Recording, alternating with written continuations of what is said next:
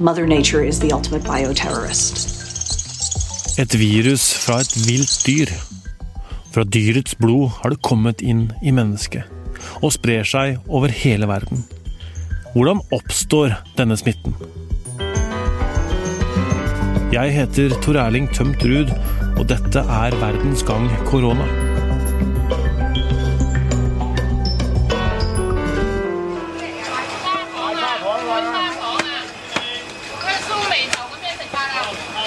På et marked i Wuhan i Kina i 2019. Mellom trange boder står de stabla tett i tett. Ville dyrearter som slaktes på stedet og selges som mat og delikatesser. Slanger, kaniner, fjærkre og sjømat. Det var flaggermus der. Og det var det vi kaller skjelldyr. Det kan minne litt om en slags vandrende kongle, med skjell over hele kroppen. En eller annen gang i løpet av høsten blanda et virus fra flaggermusa seg med skjelldyret. Og fra skjelldyret kom viruset over i oss mennesker. Og nå står hele verden overfor en pandemi.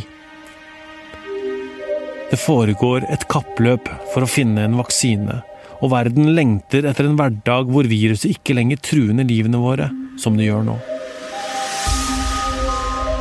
Men samtidig er forskere opptatt av å fortelle oss om hvor dette viruset kom fra. Hvorfor trenger vi å bry oss om det nå som det allerede er ute? Petter Bøckmann har svaret. Bøckmann er zoolog og universitetslektor ved Naturhistorisk museum ved Universitetet i Oslo. Han har peiling. Total number of deaths here in the UK so far to 35. We have an update on the spread of the deadly coronavirus. Now, a short time ago, the World Health Organization declared the outbreak an international public health emergency. Det er ekstremt viktig at vi finner ut hvorfor dette smitter og hvordan dette har smittet. fordi dette er ting som skjer igjen og igjen. Vi har jo årlige influensaepidemier, og det kommer jo på løpende bånd. Vi har sars, vi har fugleinfluensa, vi har svineinfluensa. Og alle sammen kommer fra sted, og de kommer stort sett fra samme sted. De kommer fra deler av fattige områder i Asia. Og hvis vi kjenner spredningsmekanismer, hvis vi forstår hvordan det foregår, så har vi mulighet til å sette inn tiltak som hindrer dette i å skje igjen og igjen og igjen. Og det som skjer igjen og igjen, er at virus smitter fra dyr til mennesker. Dyra som smitter oss, er ville dyrearter. Så disse nye sykdommene, de som er farlige, det er stort sett sykdommer som kommer fra dyr. Vi har fått dem fra andre steder. Og det som er viktig, er å finne ut hvilke dyr er det som er involvert. Hvordan har dette skjedd? Er det mulig å hindre dette igjen? Når en sykdom smitter fra et dyr til et menneske, så vil det stort sett være sykdommer som ikke får til å gjøre noe, fordi hva skal jeg si, kartet vårt ikke er det samme som kartet for dyret, og dermed så finner ikke sykdommen ut hvordan de skal gjøre det. Det er ikke alltid virus klarer å flytte seg fra én art til en annen. Og det er heller ikke alltid at smitte fra dyr til mennesker fører til en sykdom som er farlig eller smittsom. Men av og til så har sykdommen flaks. Og så hei, hei, ny vert, dette funker, og denne har ikke motstandskraft. Altså, er ikke dette sykdommer vi er tilpassa, og resultatet er at denne gangen kan vi bli ordentlig, ordentlig dårlige, og sykdommen kan spre seg, og vi har ikke motstandskraft. Og da har du den cocktailen som skal til for en pandemi. Nå hører du lyd fra våtmarkedet i Wuhan i Kina, fra før koronautbruddet. Det er her forskere mener koronaviruset oppsto. Se for deg bod på bod, stappfulle av ulike dyrearter i bur. Det finnes knapt et kjøleskap. Dyra står stabla tett. Og det er store plastdunker hvor det ligger slanger og sjømat i vann. Hvis du ser noe du har lyst på, peker du på det levende dyret. Så slaktes det. Dyreblod, innvoller og fjær blandes og spyles. Kjøttet eller dyret puttes i en pose og bytter hånd fra selger til kjøper. Det døde dyret går fra hånd til pose til kjøkkenbenk. På denne ferden har viruset fra markedet i Wuhan mutert seg og bytta vert. Og nå lever det i oss mennesker. Barricaded and guarded by police with masks, Chinese authorities have traced a new deadly virus back to this seafood market in the city of Wuhan. They say a new Bøckmann forteller oss hvorfor det er så skummelt at vi lever så tett på disse ville dyra. Nesten alle de store killersykdommene som har rast gjennom menneskeheten gjennom historien, har vi fått fra dyr. Alle dyr har sine sykdommer, de har sine bakterier, de har sine innvollsormer, de har sine virus. Og når vi menger oss med dem, så risikerer vi å bli smitta. Og de aller fleste sykdommene de finner ikke mulighet for å slå rot hos oss. Vi er for forskjellige inni fra vertsorganismen.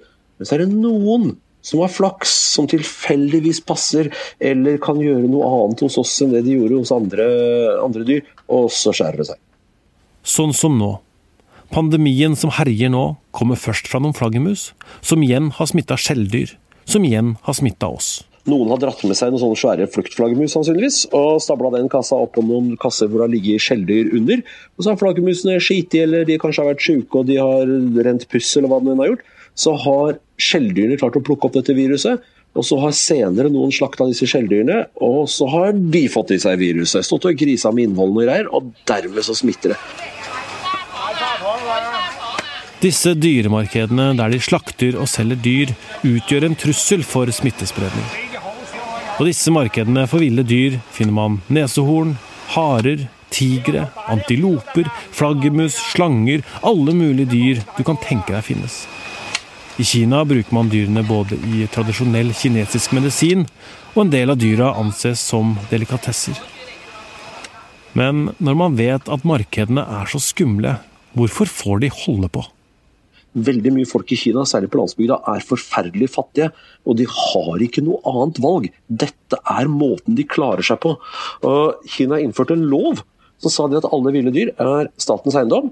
Og eh, litt i solidaritetens navn så skal, bør alle som har mulighet til det, utnytte ville dyr på best mulig måte for å tjene penger. Og det er klart Hvis du er fattig, du lever på landsbygda i Kina, du ikke har tilgang på kjøleskap og sånne ting, så er en av måtene du kan klare deg på, det er å dra ut i skauen, fange ville dyr, ta dem med til markedet og selge dem.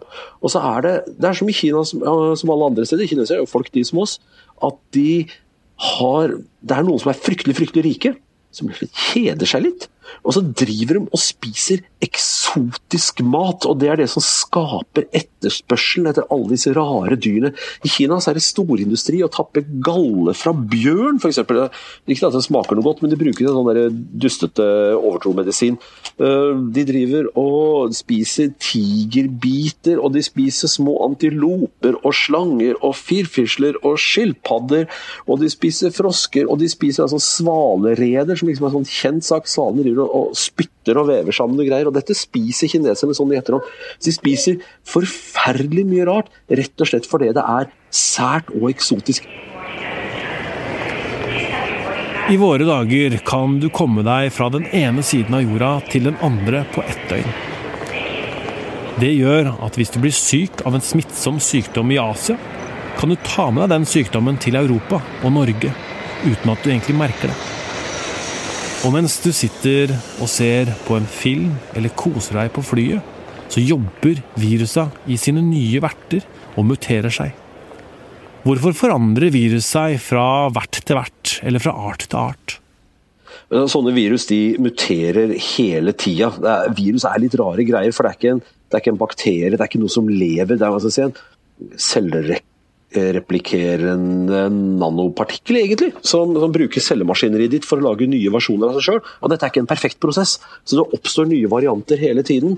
Og disse variantene er da tilpass, eller de som klarer seg best i den nye verten, er jo de som vinner, og dermed så tilpasser viruset seg den nye verten. Og dette er en løpende prosess. og Den har vært tilpassa flaggermus, og så har den pådratt seg litt sjeldertilpasninger, og så passa de tilfeldigvis også hos mennesket, og så har den selvfølgelig fortsatt å mutere hos folk. Verden har opplevd og overlevd flere pandemier. Så fort folk starta å leve tett nok til at virus kan spre seg, har historien med jevne mellomrom opplevd smittsomme og farlige sykdommer. Under første verdenskrig hadde vi spanskesyken. Den minner om det vi opplever i dag.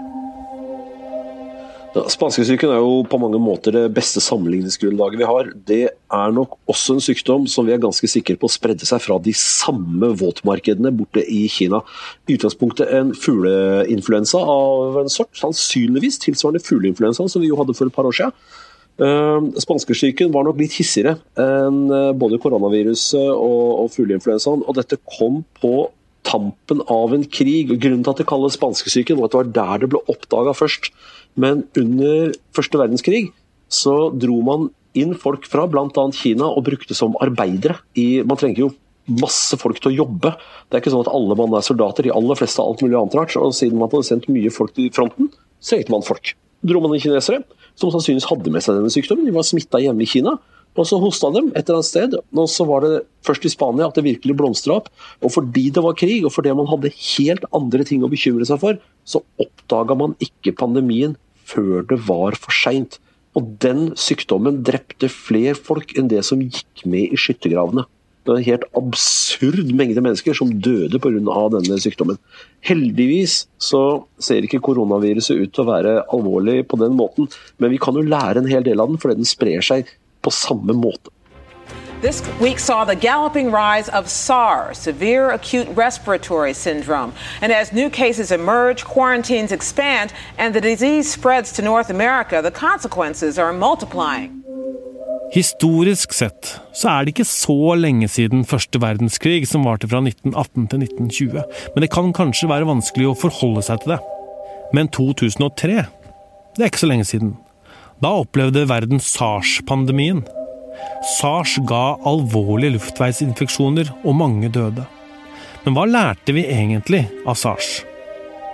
Ja, Tilsynelatende fint lite. Uh, vi skulle jo kanskje ha tatt SARS litt mer ad notam og sørge for å ha et lite lager med ja, hva skal jeg si, munnbind og, og hazmat-drakter og en del sånne ting. Kanskje en nødsykehus stående klar på beddingen i tilfelle. Det var det vi burde ha gjort. Uh, det gjorde vi da ikke. Denne gangen lærer vi forhåpentligvis det. Uh, SARS har også spredd seg fra Kina. I det hele tatt så er det, det er disse våtmarkedene i Kina hvor du har kombinasjonen av veldig veldig tett samkvem mellom mange arter, hvorav mennesket er én, og en veldig veldig tett menneskebefolkning. Den kombinasjonen, det er å be om trøbbel. Verden gjør framskritt, men verden blir også stadig tettere befolka. Vi kommer til å oppleve virusutbrudd igjen. Jo mer mennesker det finnes i verden, jo tettere vi lever på hverandre, og jo tettere vi lever på de ville dyra, jo flere sykdommer kommer. Så det er nærmest en sånn matematisk sammenheng mellom mengden mennesker på jorda og sannsynligheten for at det dukker opp en ordentlig stygg pandemi som rydder opp. Så regnestykket er rett og slett så enkelt at jo flere vi blir, jo større er sjansen for at pandemier vil komme oftere. Jeg skal bare se på det sånn ren sånn matematisk. kan si at Hvert eneste menneske er en slags Eh, eksperimentelt laboratorie hvor alle hånde, virus og, og bakterier osv. har mulighet til å eksperimentere med å utvikle den ultimate sykdom, TM. Og når det har skjedd, så kan det da spre seg. Det er klart Jo flere mennesker, jo større er sannsynligheten for at et eller annet virus eller bakterie nettopp skal lykkes i å utvikle den store, store sluggersykdommen. Koronaviruset kom fra et våtmarked i Kina. Og vil det ikke være sånn at hvis vi fjerner disse markedene, så fjerner vi en stor del av risikoen for igjen å oppleve et nytt virus. Jo, eh, hvis du fjerner våtmarkedene, så fjerner du ganske mye av risikoen. For det som er problemet der, er at der har du nettopp dette samkvemmet mellom mennesker og andre dyrearter. Veldig tett samkvem, veldig grisete og vått og klissete samkvem. Som er nærmest perfekt grobunn for sånne sykdommer. Men uh, det er ikke noen garanti det er ikke sånn at det betyr at stenger du våtmarkedene, så er vi kvitt alle problemene. For fortsatt så lever fattigfolk verden over. Det gjelder jo ikke bare Kina, det gjelder India, det gjelder i Afrika, det gjelder i deler av Sør-Amerika. Lever tett på husdyra sine og slakter dem der hvor de bor, og slakter flere dyretyper sammen. Sånn at det kommer nok. Blir det nok mennesker på planeten vår, så kommer det en ny sykdom. Takk til zoolog Petter Bøckmann. Nå lever vi i pandemien. Forskerne jobber på spreng for å få ferdig en vaksine. Men som vi har hørt, så kan det ta lang tid. Kanskje et år. I denne episoden av Verdens gang korona har vi fortalt hvordan smitten oppsto, og hvordan historien har takla pandemier. Ute er det kanskje sol. Det er vår, og dette kommer til å gå over. Ta vare på deg sjøl og hverandre. Verdens Gang-redaksjonen består av Kristine Hellesland, Nora Torp Bjørnstad, Emilie Hall Torp og meg, Tor Erling Tømterud. Magne Antonsen er vår tekniske produsent.